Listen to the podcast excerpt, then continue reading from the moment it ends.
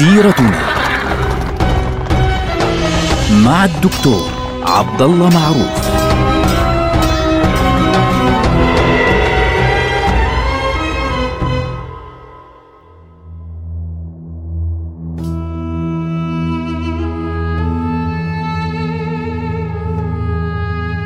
السلام عليكم ورحمة الله وبركاته. سيرتنا سيرة هذه الأمة التي بدأناها بسيرة رسول الله صلى الله عليه وسلم. نحن الآن مع رسول الله صلى الله عليه وسلم بعد أن تم الأمر له في مكة المكرمة.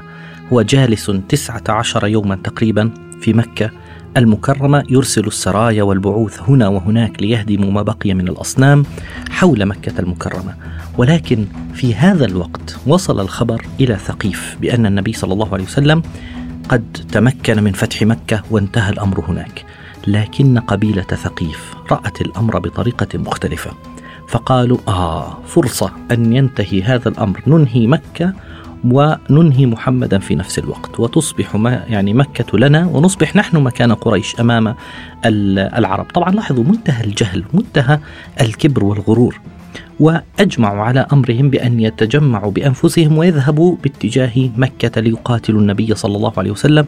وكانوا فعليا ذاهبين مثل كأنه هجرة. زعيمهم في ذلك الوقت مالك بن عوف.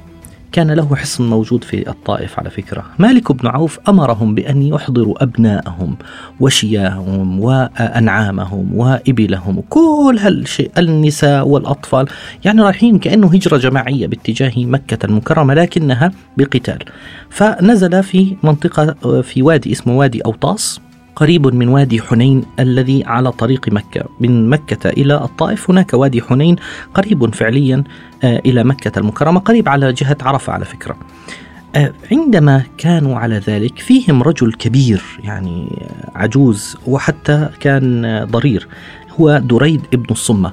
ودريد كان رجلا مجربا يسمى مجرب الحروب.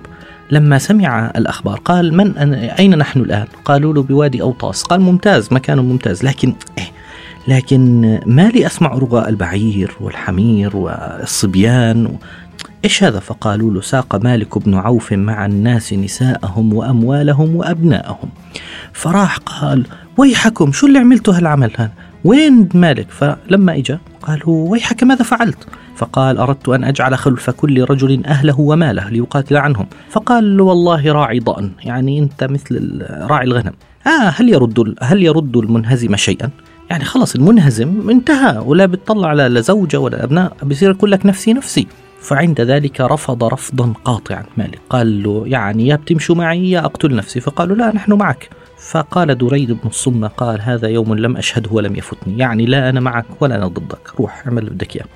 وصل الخبر إلى النبي صلى الله عليه وسلم فتحرك من مكة مباشرة. وفي هذه المرة العشر آلاف اللي كانوا معه انضموا جميعا إلى الجيش طبعا كلهم خرجوا وانضم إليهم من أهل مكة الطلقاء الجداد هذول انضم إليهم ألفان فصار العدد اثني عشر ألفا 12 ألف لأول مرة فعليا في تاريخ المسلمين. بل ربما في يعني العرب كلها ما اجتمعش لهم في ذلك الوقت أكثر من هذا العدد.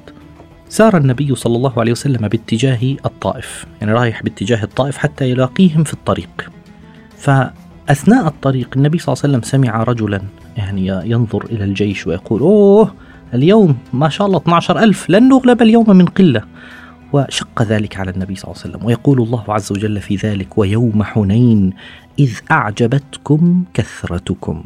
فعلا انبسطوا إنه أوف يعني اليوم صرنا أعزة صرنا 12 ألف لن نغلب من قلة ما أكثرنا. هنا المصيبة. عندما قالوا هذه الكلمة تبين أنه بعض الناس ها لسه أحيانا يعني مش توكل على الله لا هنا آه أعدادنا يتوكلون على الأعداد وهذه مشكلة. النبي صلى الله عليه وسلم بدأ يجهز نفسه للتحرك في وادي حنين في السحر ولم يكن يعلم أن آه، مالك قائد بني ثقيف قد جهز للمسلمين كمينا في وادي حنين. كان قد جعل الرماة فوق الجبال يعني يشرفون على الوادي مختبئين هناك. وقال لهم بمجرد أن يدخل جيش محمد إلى الداخل مباشرة تنقضون عليهم. على فكرة كان عددهم المقاتلين من هؤلاء الجيش قيل إنهم كانوا أربعة آلاف وقيل إنهم خمسة آلاف يعني هم أقل من المسلمين. لذلك كان بالنسبة للمسلمين الموضوع أنه يعني مزاح. هكذا كان بعضهم يظن. فالنبي صلى الله عليه وسلم بدأ يدخل وادي حنين في ذلك اليوم. كان هذا الوقت إحنا الآن في شوال. فلما وصل إلى وسط الوادي إذا بالنبل تأتيهم من كل مكان. من فوقهم مثل المطر وبدأ يقتل الناس تسقط عليهم السهام من هنا ومن هناك وبدأوا يفرون من كل مكان. وها وبدأ الناس يعني يضطرب أمرهم ويضرب بعضهم بعضا حتى إن أبا سفيان لساته جديد. إيش قال؟ قال لا تنتهي هزيمتهم دون البحر. يا أوف واحد من اللي أسلموا جديد لسه اللي هو آه، جبل ابن الجنيد قال بطل السحر اليوم. يعني للحظة هيك كأنه يعني يرتد. النبي صلى الله عليه وسلم مباشرة لما رأى هذا المشهد وفرار الناس في كل مكان انفض عنه عد كبير من الناس. هنا تظهر شخصية النبي صلى الله عليه وسلم.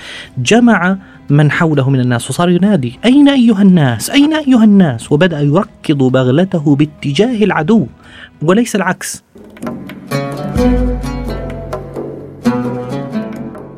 هنا تبدو شجاعته عليه الصلاة والسلام. وهو ينادي ويقول أنا النبي لا كذب أنا ابن عبد المطلب حتى يعلم الناس أنه هنا. ولكن لا أحد يلتفت إليه حوله عدد قليل فقط من الناس. والعباس بشد في البغلة خوفا على النبي صلى الله عليه وسلم. فالنبي صلى الله عليه وسلم قال يا عباس نادي في الناس يا أصحاب السمرة. السمرة إيش هي؟ الشجرة التي أو نوع الشجرة التي بايع تحتها النبي صلى الله عليه وسلم الصحابة بيعة الرضوان فبالتالي يعني أصحاب بيعة الرضوان يذكرهم بالبيعة أن تقاتلوا في سبيل الله حتى الموت. فصاروا ينادي يا أصحاب السمرة! فهم مباشرة بيسمعوا إيه أنا أنا بايعت النبي صلى الله عليه وسلم تحت شجرة السمر. فكل واحد منهم يشد آه، لجام الحصان أو البغلة أو آه، إذا كان على جمل يحاول أنه يلف الجمل فإذا لم يلتف يتركه ويحمل كل آه، أشيائه ويقفز من فوق الجمل نفسه يعني مترين حتى يركض باتجاه النبي صلى الله عليه وسلم وهم يقولون يا لبيك يا لبيك! والنبي صلى الله عليه وسلم يأمر العباس أنه صوت جهوري يقول يا أصحاب السمرة يا أيها الأنصار يا معشر الأنصار يا الخزرج يا مهاجرون يا كذا. فصار يناديهم بما يعرفه بما يعرفون من أعمالهم وهم ينعطفون إليه وتجمع حوله بضع مئات يعني مئة ثم مئة وعشرون مئة وثلاثون مئتان ثلاثمائة عدد قليل جدا مقارنة بالأربعة ألاف اللي تركزوا حول النبي صلى الله عليه وسلم لأنهم سمعوا قول النبي صلى الله عليه وسلم أنا النبي لا كذب. وعند ذلك بدأ قتال شديد في المكان والنبي صلى الله عليه وسلم يقول الآن حمي الوطيس. وبدأ يقاتلهم بنفسه عليه الصلاة والسلام. لاحظوا هذه المعركة هي المعركة الوحيدة التي فرضت على النبي صلى الله عليه وسلم. كان النبي صلى الله عليه وسلم طبيعته أنه هو يختار مكان المعركة وقت المعركة لكن هذه تجلت فيها عبقرية النبي صلى الله عليه وسلم في كيفية التعامل مع الوضع الذي يفرض عليه. يعني بعكس طبيعته دائما هو دائما يختار مكان المعركة وهذا نصف النصر. طيب إذا فرضت علي المعركة في مكان محدد ما هو المفتاح؟ الثبات والشجاعة. هنا. عند ذلك بدأ ينكسر العدو أمام شجاعة هؤلاء الصحابة الكبار الذين اجتمعوا حول النبي صلى الله عليه وسلم. وبدأ العدو يهرب يهرب يهرب في كل مكان. بعضهم هرب باتجاه أوطاس بعضهم هرب باتجاه منطقة نخلة بعضهم حتى أغلبهم هربوا باتجاه الطائف. والنبي صلى الله عليه وسلم بدأ يطاردهم في كل مكان. تركوا أموالهم تركوا نساءهم تركوا أطفالهم تركوا كل شيء وهربوا باتجاه الطائف. وبدأ المسلمون رجع كل الجيش ال 12 ألف تجمعوا مرة أخرى جمعهم النبي صلى الله عليه وسلم وجمعوا غنائم مذهلة فعليا مذهلة أعداد هائلة. نتكلم عن عشرات الآلاف من الإبل والغنم والفضة والسبي ويعني أعداد هائلة. جمعها النبي صلى الله عليه وسلم ثم وضعها في منطقة اسمها الجعرانة وتحرك باتجاه الطائف ليه؟ لأن النبي صلى الله عليه وسلم كان يرى أن هذه الحادثة ما دامت ثقيف قد تجرأت برغم قلة عددهم مقارنة بمن مع النبي صلى الله عليه وسلم ما داموا قد تجرأوا على أن يهاجموا النبي صلى الله عليه وسلم بنفسه مباشرة وهو في مكة المكرمة فإنه لا يأمن بعد ذلك أن يهاجموا مكة أو أن يهاجموا المسلمين في أي وقت على الإطلاق. ولذلك النبي صلى الله عليه وسلم قرر مباشرة أن يضع هذه الغنائم كلها في الجعرانة في منطقة الجعرانة. هي قرية صغيرة على فكرة لليوم اسمها الجعرانة موجودة ويتحرك باتجاه الطائف لكي يقاتلهم عند الطائف. أما المجموعات التي هربت باتجاه نخلة فأرسل إليهم النبي صلى الله عليه وسلم عددا من الفرسان فقاتلوهم وهزموهم. حتى دريد بن الصمة هذا الشيخ الكبير قاتل وهو كبير وقتل هناك. وأما الذين هربوا باتجاه أوطاس النبي صلى الله عليه وسلم أرسل إليهم عددا عددا من المسلمين فهاجموهم وفر هؤلاء في كل مكان وهزموا شر هزيمة. لكن الآن يتجمع الجيش مرة أخرى. لاحظوا النبي صلى الله عليه وسلم. طيب اللي اللي, اللي انكسروا واللي هربوا واللي واللي ارتدوا قالوا بطل السحر اليوم. النبي صلى الله عليه وسلم يعني مشى لهم اياها ليه؟ لأنه كانوا تحت ضغط معركة من الرعب. قد يقول أحد منهم إنه خلاص انتهى الأمر عند ذلك. فالنبي صلى الله عليه وسلم قبلهم أهلا وسهلا تعالوا مرة أخرى. وتحرك بنفسه باتجاه الطائف ليعاقب ثقيفا على هذا العمل الذي قاموا به. نلقاكم على خير. والسلام عليكم ورحمة الله وبركاته.